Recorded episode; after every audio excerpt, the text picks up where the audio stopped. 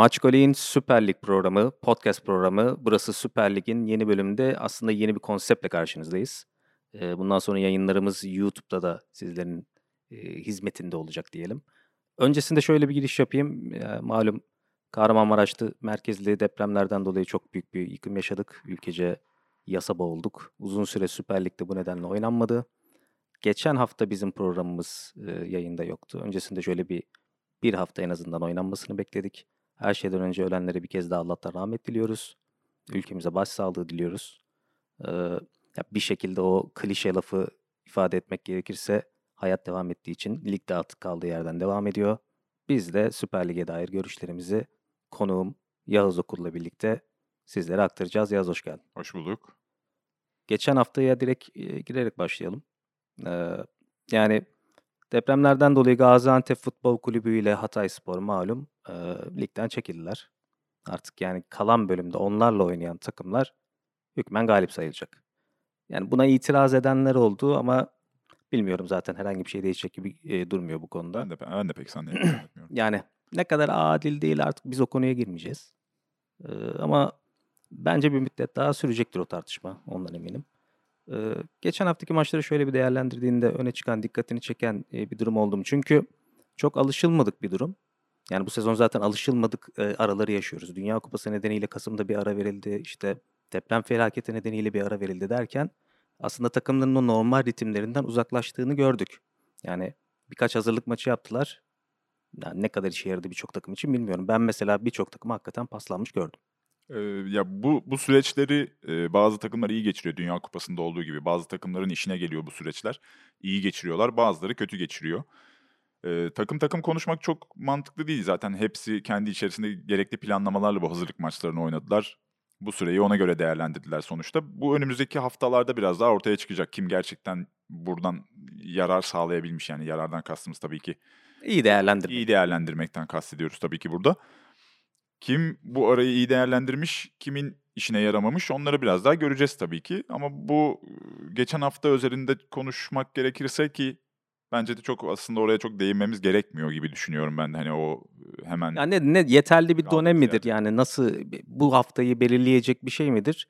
Gibi sonuçlara ben ulaşamadım açıkçası e, maçları izlerken. Katılıyorum ben de öyleyim. Yani futbolcularda da e, teknik heyetlerde de yani zaten ligin üzerinde her hepimizin üzerinde bu e, afetin etkileri hala sürüyor açıkçası. O yüzden geçen haftadan bir örnekleme yapmak çok da mantıklı gelmiyor bana. Evet. E, ya 24. hafta maçlarında Galatasaray e, bir kere e, zaten hükmen orayı geçirdi malum. E, Gaziantep'le oynayacaktı normalde. Antep ligden çekildiği için Galatasaray 3-0'la oraya geçirmiş oldu. Yani yeni haftada zaten bu vesileyle de Galatasaray'a girmiş olalım. En merak edilen şey artık Süper Lig'in en önemli favorisi gibi gözüken Galatasaray'ın böyle bir aradan nasıl çıkmış olabileceği Kasımpaşa karşısında. Yani yaptığı transferlerin de işte burada hani iyi geçirmesi ya da yarar sağlayabilecek takımlardan bir tanesi Galatasaray olabilir. Neden? Çünkü önemli bir ismi kadrosuna kattı. Bir sol bek kadrosuna kattı. Yani transferler burada biraz daha öne çıkıyor tabii ki. Bu araları iyi değerlendirmek e, yani o futbolcuların takıma alışması, o süreci geçirmesi açısından da bir yarar sağlamış olabilir Galatasaray'a. O yüzden yani Zaniolo etkisi, Adekugbe etkisini belki görebiliriz bu hafta. Kasımpaşa karşısında da bir tık e, bekliyorum. Yani iyi bir performans, baskın bir futbol bekliyorum açıkçası ben de Galatasaray'dan. Zaniolo trans transferi benim yani hatırladığım Süper Lig'deki en şaşalı ara transfer olabilir. Yani tabii ki felakete denk geldiği için, afete denk geldiği için o çok konuşulamadı genel olarak. Hem spor kamuoyunda hem de yani herhangi bir şekilde biz de konuşamadık zaten yayın yapamadık. Ee, yani oradan beklenti çok büyük. Oyuncu çok yetenekli bir oyuncu. Yani o ciddi sakatlığı yaşamadan önce İtalya milli takımı için de önemli bir oyuncuydu. E şimdi hala hazırda e, Zaniolo'nun Galatasaray'a verebileceği katkıyı vaktiyle işte Talişka'nın Beşiktaş'a vereceği, verdiği e, katkıyla karşılaştıranlar var. Senin beklentin ne bu konuda? Yani Zaniolo'dan tabii ki beklentiler yüksek. E, bunu kendi aramızda da konuşurken e, bahsediyoruz bunlardan. Bu arada yani Galatasaray'ın o transferi açıklama şekli de çok şıktı açıkçası. Onun da üzerine hani konuşmadık ilk programımız. Onu da konuşuyor olalım. Çok şık bir şekilde o afet sürecinde çok büyük bir transfer olmasına rağmen çok şık geçildi o süreç. Onu da tebrik etmek lazım bir taraftan. Hani herkes söylemişken biz de söyleyelim. Biz de e, bahsetmiş olalım en azından. Zaniolo'dan tabii ki beklenti yüksek. Potansiyeli gerçekten çok yüksek. Zaniolo'nun verebileceklerinin sınırı yok. Eee, tabii ki ne kadar süre burada kalacak belki 6 ay sonra gerçekten gidecek ve çok ciddi paralar kazandıracak. Ama günün sonunda sözleşme süresini burada doldursa da birkaç sezon sonra gitse de bu sezon sonunda gitse de ben eee, zaten hazır geldiğini düşünüyorum. Yani aslında evet az maç oynadı. Evet ilk parladığı dönemlerdeki formu yok. Ancak Süper Lig şartlarında ve bu ısınma sürecinde buraya gelmeden hemen önceki süreçte de aslında eee, çok formsuz diyebileceğimiz bir futbolcu değil. Sayısal olarak söylemiyorum Yani sadece. kulübüyle yani Al- genel olarak kulüple yedek kulübesinde özellikle daha doğrusu soyunma odasında yaşadığı problemlerle biraz eee, buralara geldi diyelim. O yüzden Yani sürpriz bir transferdi. Avrupa kamuoyunda da öyle bir bakıldı. Yani genelde hani Süper Lig'e düşmek olarak gördükleri için onlar e, bunu beklemiyorlardı. Bu kısa süreli olacak gibi duruyor bu arada. Yani belli olması tabii de. Yani kısa süreli de olsa bir futbol severlere ligin ikinci yarısında en azından şöyle dikkat edilecek. Hadi bu oyuncunun maçı var ben bu maçı açayım izleyeyim dedirtecek bir evet, oyuncu. kesin- kesinlikle. Orası tabii. kesin. Yani hazırlık maçında Alanyaspor e, karşılaşmasında attığı bir gol var kaleciyi geçerek. Yani biliyorsun onlar da çok ani kararlarla o hamleleri yapmak genelde oyuncu kalitesini belli eden şeyler. Özellikle gol atmaktan oyuncu anlayan oyuncuların kalitesini belli eden Ceza, şeyler. ceza sahası çevresinde o soğukkanlılık ki hani yine çok konuşuldu. O pozisyonda şutu çıkarmadan önce hemen arkasını kontrol etmesi vesaire onlar çok fazla alışık olmadığımız yani en azından genç yeteneklerde böyle çok alışık olmadığımız aslında Yerden de değil örneklenebilecek- biraz da yüksek vurması ki arkadan gelen Ne kayan olur ne adamın olmaz. ne olur ne olmaz o topa müdahale etme mesela. Yani bu çabuk ve akıllı aksiyonlar hakikaten heyecan verici. Galatasaraylılar şanslar genel olarak şanslar zaten bu sezon takımları da iyi gidiyor. Ya ben şahsen mesela Galatasaray'ın ligin geri kalan bölümünde bir şekilde liderliği tutunacağını düşünüyorum. Tabii her şey mümkün ama yani onlar açısından şu an her şey yolunda gidiyor gibi görünüyor. Katılıyorum. Bir de oyun sistemine uygun bir oyuncu hani Zaniolo. Bazı süperstarlar veya bazı genç yetenekler vardır. Oyun sisteminizle alakası yoktur. Siz bir tercih vermek, tercih yapmak zorunda kalırsınız. Oyun sistemini mi tercih edeceksiniz yoksa oyuncuyu e, alıp farklı bir sisteme evrilmeyi mi tercih edeceksiniz? Bu öyle bir transfer değil. Bu gerçekten sizin sağ öne özellikle direkt koyabileceğiniz ve oyun sistemini doğrudan onun üzerinden de oynayabileceğiniz, birlikte oynayabileceğiniz bir oyuncu. O yüzden Galatasaray açısından iyi bir transfer tabii ki. Ben de. Beşiktaş'a dönelim. Ee, yani Beşiktaş Ankara gücünü 2-1 yendi. Erteleme maçında e, Antalya karşısında istediğini alamadıktan sonra onlar malum e, deprem arasından hemen sonra bir de vaktiyle İstiklal'deki terör saldırısı nedeniyle ertelenen sonra deprem yüzünden bir daha ertelenen bir maç oynadılar. Antalya Spor'da orada yani Cenk Tosun'un duraklama dakikalarında kaçırdığı penaltıyla hatta galibiyetten oldular diyelim. O maçta Beşiktaş taraftarının malum çok şık bir hareket oldu. E, oyuncakları sahaya attılar. Daha sonra işte o oyuncaklar depremzede çocuklara gönderildi. Bu da hakikaten alkış, alkış hak eden bir hareketti. Daha önce de yapmışlardı bunu bu Tabii, arada. tabii, evet. Hatırlayanlar bilir Van, Van Van'daki depremden sonra da böyle bir şey yapılmıştı. Atkı Ee, vesaire evet. de Evet, atkı bereler atılmıştı sahaya. Evet. Ee, yani futbol olarak da daha sonra Ankara gücü karşısında en azından işte bir 3 puan alarak biraz morallendiler diyelim. Yani Şenol Hoca sürekli bunu söylüyor. Şu ana kadar beklediğimiz sonuçları alamıyoruz, alamıyoruz. Yani onun bence benim gördüğüm e, kadroda bazı isimlerden özellikle bir şikayeti var. Oyuncuları medya karşısında böyle otobüsün altına atmıyor tabii ki ama yani bazı oyunculardan memnun olmadığı kesin gibi. Ya Beşiktaş'ın bir temposu vardı açıkçası ama o tempoyu nasıl yansıtacağını veya maç boyunca sürdürebilmekle alakalı da problemleri vardı. Şenol Güneş'le birlikte artık bu iyice yerine oturmuş. Hani maçın hangi anlarında tempo yapacağını, nerede hareketleneceğini çözmüş bir takım gibi gözüküyor Beşiktaş. Ve buradaki en önemli parça da Abubakar tabii ki. Abubakar'ın yükselen bir performansı var. Yani bu gole yansır yansımaz. Bu hafta attı tabii ama ne kadar yansısa da yansımasa da onun oyunu, o hareketli oyunu, tempolu oyunu Beşiktaş'ın da biraz kimliğini oluşturmaya başlıyor aslında. Yani hücumdaki kimliğini oluşturuyor. Dolayısıyla e, Abu Bakar çevresinde şekillenen Beşiktaş hücumları, Beşiktaş'ın oyun yapısı e, her geçen günde üzerine doğru koyuyor. Yani bu sezonla ilgili ne kadar ileri gider veya ne kadar yükselir e, sıralamada, ne, neler beklenir? Biraz daha önümüzdeki haftaların bu sürecin arkasından gelişecek e, skorlarla alakalı bir süreç. Ancak e, Beşiktaş'ın oyunundaki o olumlu ilerleme, örneğin bu hafta yedikleri golden sonra verdikleri hemen reaksiyon, Abubakar'ın daha da istemesi, gol attıktan sonra aynı pozisyonlara tekrar tekrar girmeye çalışması Beşiktaş'ın hep artı artı üzerine gidecektir. Onlar biraz daha bu Bakar'a bağlılar gibi geliyor bana. Yani maçı kazanıp kazanmama noktasında biraz daha ona bağlılar gibi geliyor. Çünkü yakaladıkları pozisyonları çok iyi değerlendiremiyorlar çoğu zaman. Katılıyorum yani orada zaten bir e, kalite eksikliği bence var. Yani zaten Raşit Gezeli çok arıyor takım. Hep aradı. Yine arıyor. E, ancak işte Redmond, Tayfur, sayabileceğimiz herhangi bir isim orada skor ayağı olmaktan biraz uzak kalıyorlar. Orada da işte Cenk Tosun bugüne kadar biraz getirdi. Şimdi Abubakar'ın performansı var. Ama oralara biraz e, ekleme yapılması gerekiyor, gerekiyordu. E, o yüzden bu sezonki gidişat o yüzden biraz daha soru işareti aslında. Orada o kaliteli ayakları bulabilmek, skor üretebilmek. Ancak e, bir şekilde geçecek bu sezonda onlarla. Fenerbahçe'ye gelelim. Yani seviye karşısında çok iyi futbol. İlk yarı yakalanan pozisyonlar netice 2-0 mağlubiyet. Yani hakikaten çok sinir bozucuydu.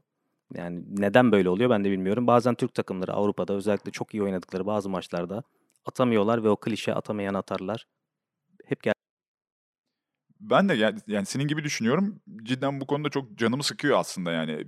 Temsilcilerimiz Avrupa'ya gittiğinde bu çok iyi başladığı maçları gerçekten beklentileri izliyoruz. Evet yani maçı hayal edebiliyoruz bir noktaya kadar ama bir yerden sonra bir şeyler değişiyor. Maçın başlangıçtaki performansıyla bitiş noktası arasında dağlar kadar fark oluyor. o golün gelmesi gerekiyor ve o gol gelmiyor. Yani. Ve o gol gelmiyor gerçekten ve öyle kritik maçlarda rakiplerimiz atıyor genellikle. Ya bir şekilde Fenerbahçe seviye maçında olduğu gibi ayağına çarpıyor, giriyor. Bir karambolde gol oluyor. Bir şey oluyor ya da inanılmaz bir gol yiyoruz. Bir şey oluyor. Yani İlla ki tabii ki bazen Yani de gerçekten kah- çok kötü oynadığımız için. Kahvehane oluyor. diyaloğu vardır ya adamlar atıyor abi şeklinde. Tamamen Aynen. onu yaşadığımız bir maç oldu yani. Saçma sapan iki tane yani. Hakikaten sinir bozucuydu. Ya Fenerbahçe'nin e, lig açısından şansı. Şimdi böyle sinir bozucu mağlubiyetin ardından maç yapmayacaklar hafta sonu bay geçecekler. Ondan sonra rövanşa hazırlanacaklar. Yani İstanbul'da verecekleri bir reaksiyonla daha sonra Süper Lig'e bomba gibi bir giriş yapabilirler. Geçen hafta Kayseri Spor'u 2-1 yendiler deplasmanda. Kayseri Spor hakikaten zor bir takım. Deplasmanda onlarla oynamak daha da zor. Fenerbahçe için bence yani Süper Lig'in kalanı için bu seviye maçında elemese bile seviyeyi futbol olarak bir reaksiyon o yani o sinir bozucu mağlubiyetin ardından gösterilecek bir reaksiyon Süper Lig'deki performansları adına önem taşıyor. Tabii ki yani umut verici taraftan bakıyoruz aslında. Umutlu konuşuyoruz tabii ki. Yani burada zaten işte gerek Jorge Jesus'un tercihleri, gerek kadro kalitesi bunların hepsi tartışılabilir, hepsi konuşulabilir noktalar aslında. Yani olayı sadece rakip bir şekilde atıyor diye de bağlamıyoruz aslında ama bu hafta gösterecekleri reaksiyon dediğin gibi sezonun kalanı için de önemli. Ancak bu tarz maçları da oynadı Fenerbahçe daha önce. Ee, bazen o reaksiyon birkaç hafta sürüp daha sonra bunun sönümlendiğini de gördük. Ee, o yüzden e, içerideki reaksiyona bağlar mıyız veya oradan gerçekten Süper Lig'e güzel bir yansıma olur mu bilmiyorum. Çünkü kadro tercihleri e, bir de Fenerbahçe'de biraz şey çok alışkanlık haline geldi. Orijinal mevkisinde olmayan futbolcularla oynama olayı yani son belki 10-15 yılda çok fazla karşımıza çıkan bir konu olmaya başladı bu. Ee, bu da bence hem taraftarlar bazında hem ya ben de izlerken açıkçası beni yine rahatsız eden konulardan bir tanesi. Biraz aslında bunların e, geçmesini bekliyorum. Transfer dönemlerinde bunların geçmesini bekliyorum aslında. Fenerbahçe'den beklentim bu oluyor benim. Yeniden keşfetmeyelim bazı şeyleri mi diyorsun? Biraz öyle ya. Biraz fazla yani yeniden mi keşfediliyor bilmiyorum ya da o anki ekonomiyle mi yapılıyor bunlar? Onlar tabii ki yine tartışılan konular. Yani hepsinin konu bu konu başlıklarının hepsi birer saat ayrı ayrı konuşulacak ko- konular aslında. Ama yine Süper Lig tarafına döndüğümüzde Ya e, bu vesileyle de Ferdi Kadıoğlu'nu da övmüş olalım. Nerede oynarsa oynasın hakikaten. kesinlikle aynen öyle. Bam- Bambaşka bir futbolcu. Trabzonspor'da bir haftada çok fazla şey oldu. Ee, başkan erken seçim kararı aldı. Abdullah Avcı istifa etti. Zaten başkanın kendisi de istifa etti yönetim kuruluyla birlikte. 36 maçlık bir iç saha yenilmezlik serisi sona erdi Ümraniye Spor maçı ile birlikte. Yani bu noktadan itibaren Trabzonspor sezonun geri kalanında şunu yapar, bunu yapar demek çok zor. Yani onlar hakkında bir öngörüde bulunmak da çok zor. Tamamen maçtan maça, rakipten rakibe, o anki duruma, o anki koşullara göre şekillenecek bir ortam var gibi geliyor. Biraz başkan ve yönetim tarafı aslında sanki güven oyu alma hamlesi gibi de geliyor bana. Yani tabii ki detaylı e, incelemek biraz daha beklemek lazım süreçle alakalı da ama tekrar aday olmayı düşünüyor gibi haberler Yani orada bir netlik söylüyor. yok. Evet. Yani sanıyorum ki biraz bir güven oyu alma, biraz daha destek toplama aşamasındalar gibi geliyor. Dolayısıyla sezonun kalanında yani seçim tarihine veya seçime bağlı olarak yine e, aynı başkan, aynı teknik direktörle de devam edebilir gibi geliyor bana aslında şimdiden. Ancak bu hafta onlar için kritik bir hafta. Adana Demirspor'la oynuyorlar. Ee, Zor maç. Zor maç gerçekten. Ee, yani nasıl oynayacaklar? Zaten hem iç saha, dış saha performansları e, çok dalgalıydı. Trabzonspor'un son haftalarda, son aylarda biraz daha e, istikrarı korumakta zorlanıyorlardı. Dolayısıyla bu maçta da beklenti biraz Yani en azından şimdi Benzer iç olur. sahada işte son zamanlarda Fenerbahçe'yi yenmeleri, orada Başakşehir'i mağlup etmeleri derken ne kadar kötü giderlerse gitsinler biz en azından iç sahada şunu bunu yapabiliyoruz. Rakiplerimize psikolojik olarak üstün gelebiliyoruz durumundan Yani o Ümraniyespor mağlubiyetiyle birlikte artık o yenilmezlik hissinin de e, sona ermiş olması var. Dolayısıyla artık Trabzonspor iç sahada oynuyor. Hmm.